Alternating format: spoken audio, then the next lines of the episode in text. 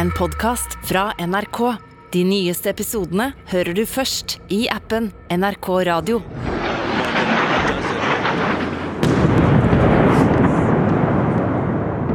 De siste dagene har missiler og kamikaze-droner regna over Ukraina.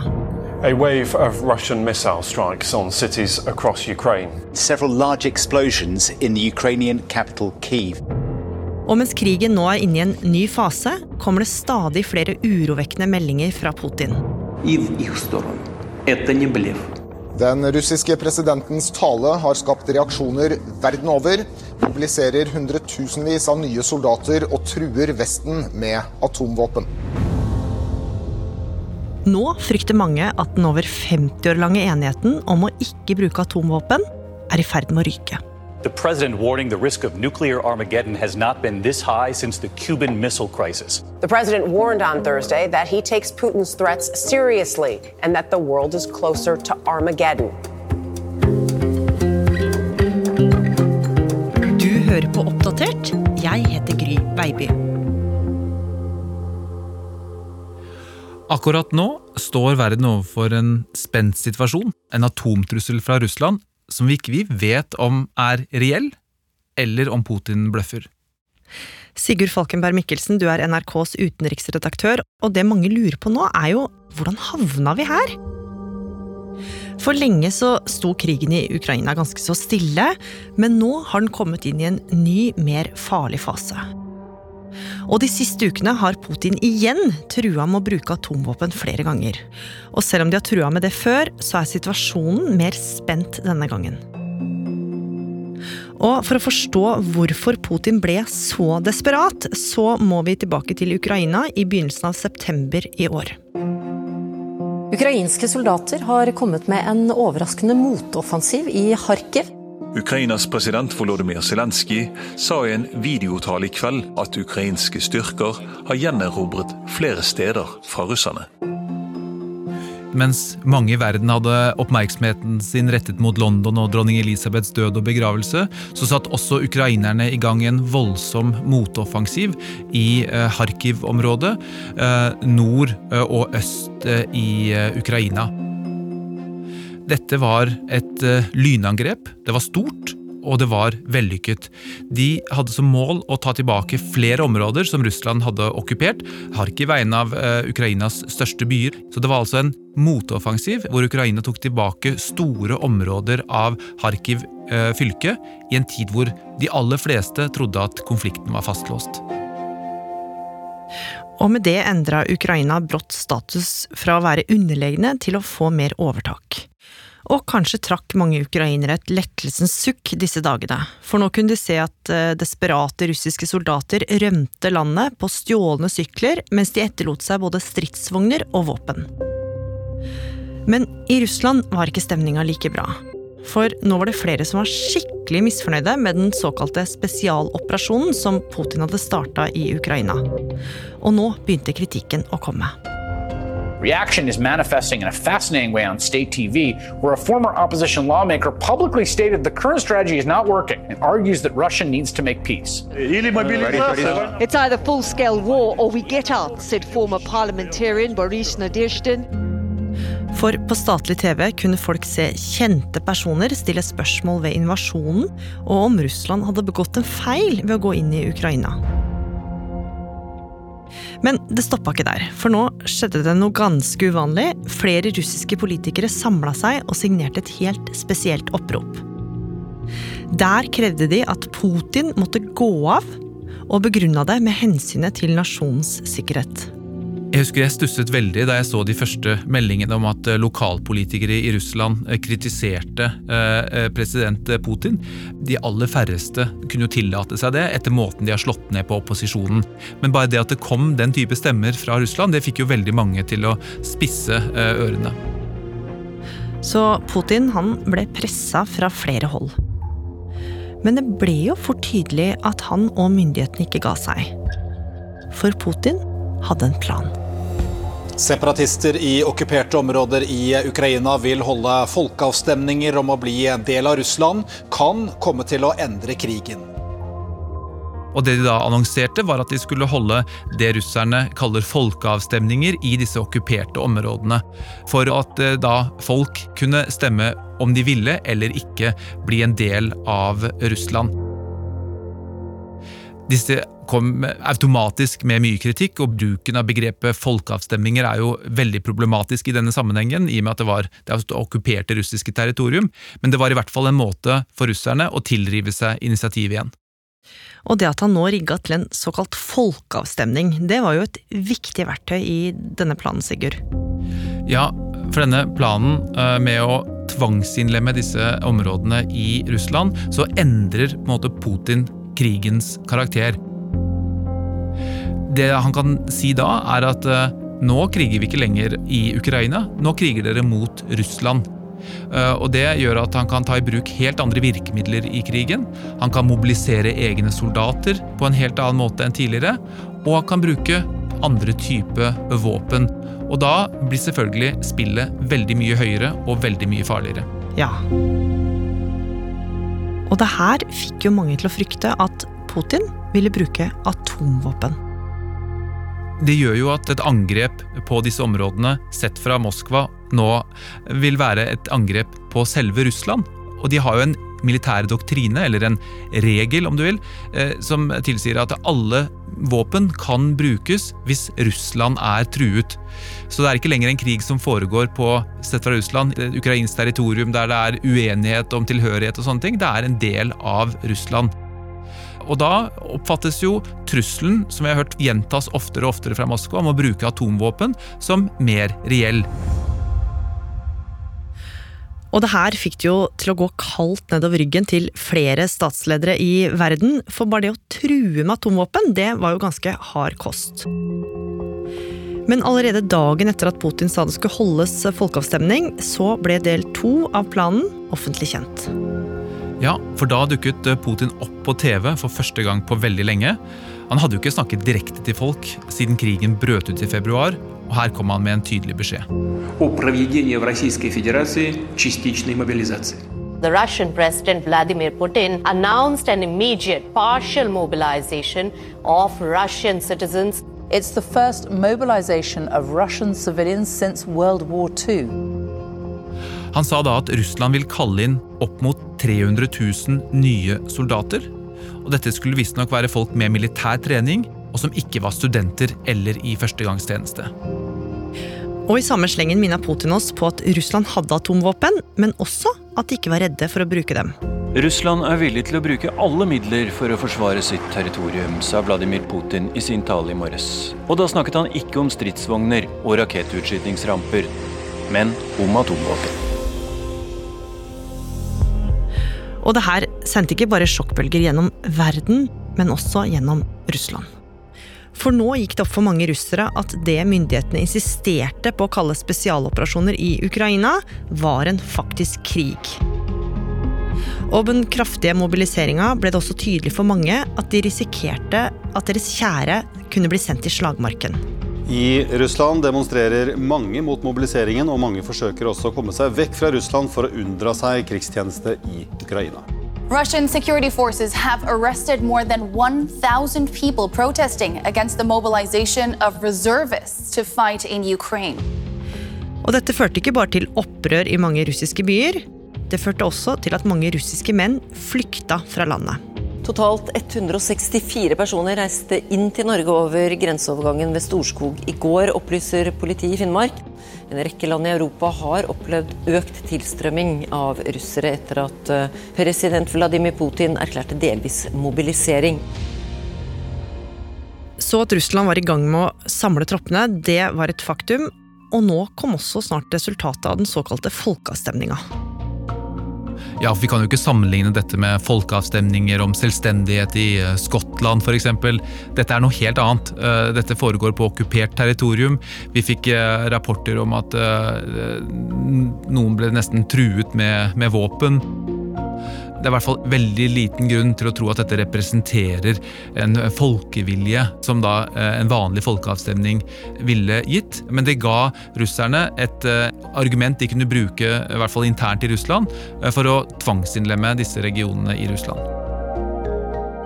Og mange statsledere reagerte jo også kraftig. Russlands annektering av de fire ukrainske regionene blir møtt med kraftig internasjonal fordømmelse. Det å gjennomføre slike folkeavstemninger, såkalte, i en eh, okkupasjonssituasjon hvor det pågår krig, har ikke legitimitet. Så det fordømmer vi og tar avstand fra. Og kanskje ikke så overraskende, Sigurd, så kunne Putin fortelle det russiske folk i en TV-sendt tale den 30. september at folk i fire regioner, som tidligere var i Ukraina, skulle bli russiske borgere. President Putin erklærte i dag at fire ukrainske områder tatt med tvang nå er del av Russland. This represents the most serious escalation since the start of. Disse regionene, eh, Donetsk, Luhansk, Kherson, Zaporizjzja, som utgjør omtrent 15% av det store landet Ukraina, var nå tvangsinnlemmet i Russland. Ja, men selv om Putin nå annonserte at områdene var russiske, så betød ikke det at styrkene hans hadde kontroll over dem. Og noen timer seinere hadde Putin invitert til en folkefeiring med konsert på Den røde plass i Moskva.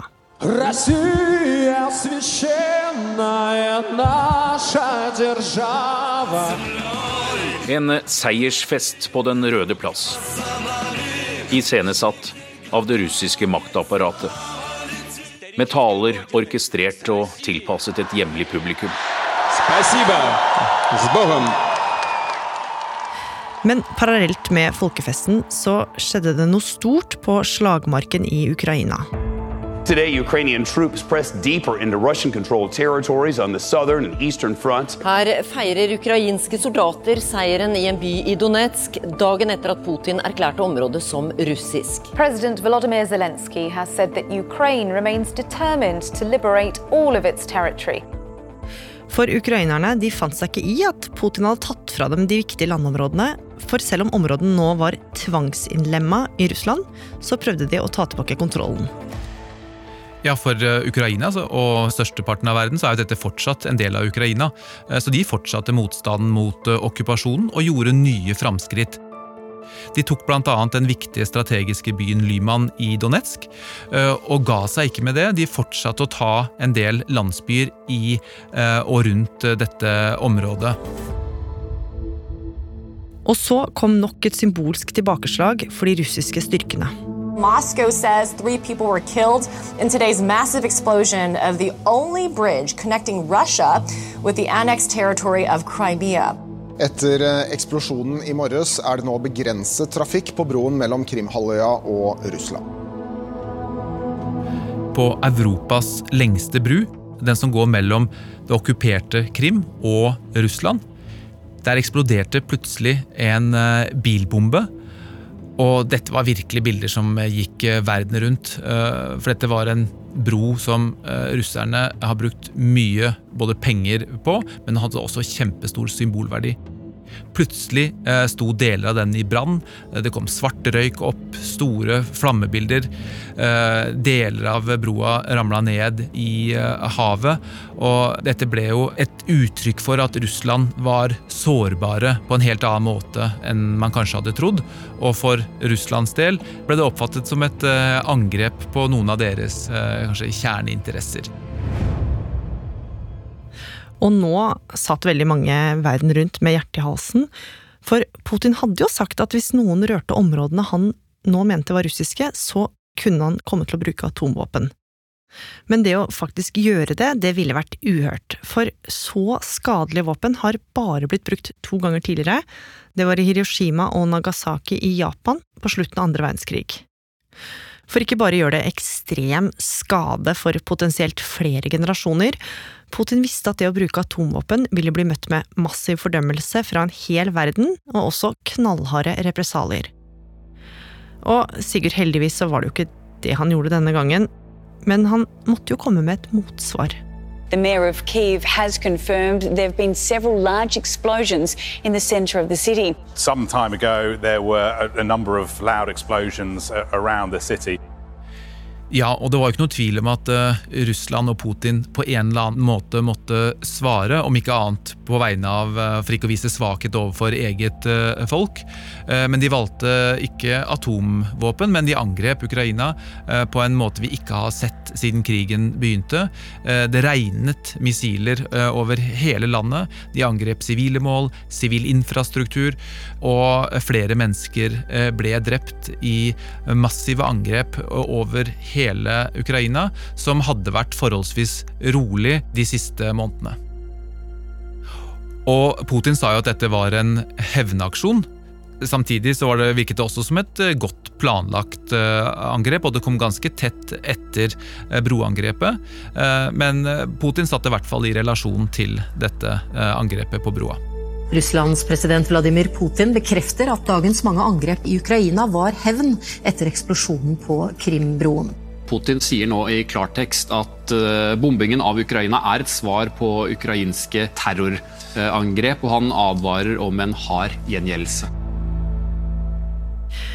Og etter det her så har FN fordømt Russland for å bare ta ukrainske landområder, og mange reagerer sterkt på at han i det hele tatt trua med atomvåpen. Men denne faren er jo fortsatt høyst reell, Sigurd. Jeg tror det er to ting. Eh, det ene er at eh, det er ingen på vestlig side som ser tegn til at de forbereder bruk av eh, atomvåpen. Men trusselen, det å gjøre den så tydelig, det er klart at det er et veldig effektivt virkemiddel i internasjonal politikk, fordi det er et så utrolig farlig og dødelig våpen. En av de som reagerte, var jo president Joe Biden i USA. The strongest warning yet from President Biden, saying when Vladimir Putin threatens to use nuclear weapons, he, quote, is not joking. The White House confirming the president went on to say, quote, we have not faced the prospect of Armageddon since Kennedy and the Cuban Missile Crisis. Og det var jo mange som reagerte på at Joe Biden brukte så harde ord som Armageddon eller dommedag da på norsk. Mange stilte seg jo spørsmålet om eh, det, vet amerikanerne noe vi ikke vet, og burde vi også være mer redde enn vi kanskje egentlig er? Og så har jo amerikanerne i etterkant og Joe Biden også gått eh, delvis tilbake på det han sa, og har bl.a. sagt at eh, han oppfatter Putin som en rasjonell aktør. Men trusselen den blir jo hengende i, i lufta uansett, og dette er jo egentlig et tabu i internasjonal politikk som Vladimir Putin og Russland nå har brutt. Og Sigurd, mange blir jo fryktelig redde når de hører bare snakk om atomvåpen, men det er en litt annen type våpen enn det vi tidligere har sett. Ja, Det er ikke nødvendigvis den soppskyen som vi har sett ved atomprøvesprengninger eller i Hiroshima og Nagasaki som det er snakk om. Det er snakk om andre type atomvåpen som har en annen type sprengkraft og er noe mindre enn de aller største atomvåpnene både Russland og USA og de andre atommaktene også besitter, eh, som er eh, laget for å kunne legge hele byer i grus. Dette er mer til bruk på slagmarken, men ville fortsatt ha en utrolig ødeleggende effekt der eh, de da eventuelt skulle bli tatt i bruk. Men uansett, skulle atomvåpen bli tatt i bruk i Ukraina, så ville vi være inne i en helt annen fase i krigen. Det vil også være en mye mye farligere eh, situasjon internasjonalt, for vi må anta at Russland har fått beskjed om at eh, det vil komme et motsvar fra USA, fra Vesten, med uforutsigbare eh, konsekvenser. Eh, og hvis dette tabuet blir brutt i praksis, ikke bare i ordbruken og retorikken, så ville verden være inne i en veldig farlig situasjon. Og alt det her veit jo også Putin. Så Sigurd, det mange lurer på nå er jo er det her bare en tom trussel? Altså, Vi kan jo ikke vite 100 eh, og det er det som gjør dette så effektivt. Kanskje ønsker han bare å gjøre oss redde, eh, og vil at vi skal gjøre akkurat det vi gjør nå. Prate om det, og på den måten kanskje skremme Norge fra da, eh, å støtte Ukraina med mer våpen og penger. Men ingenting tyder på at han lykkes med det. Verden, og ikke minst Ukraina, kan jo ikke akseptere at landområder tas med makt på den måten Russland truer med. Uansett, bløff eller ikke, verden står midt oppi en ny og farlig situasjon.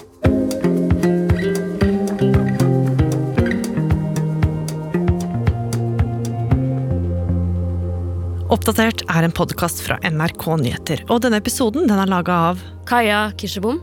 Espen Bjørlo Mellem. Pål Gauslo Sivertsen. Og meg, Gry Veiby. Programredaktør er Knut Magnus Berge.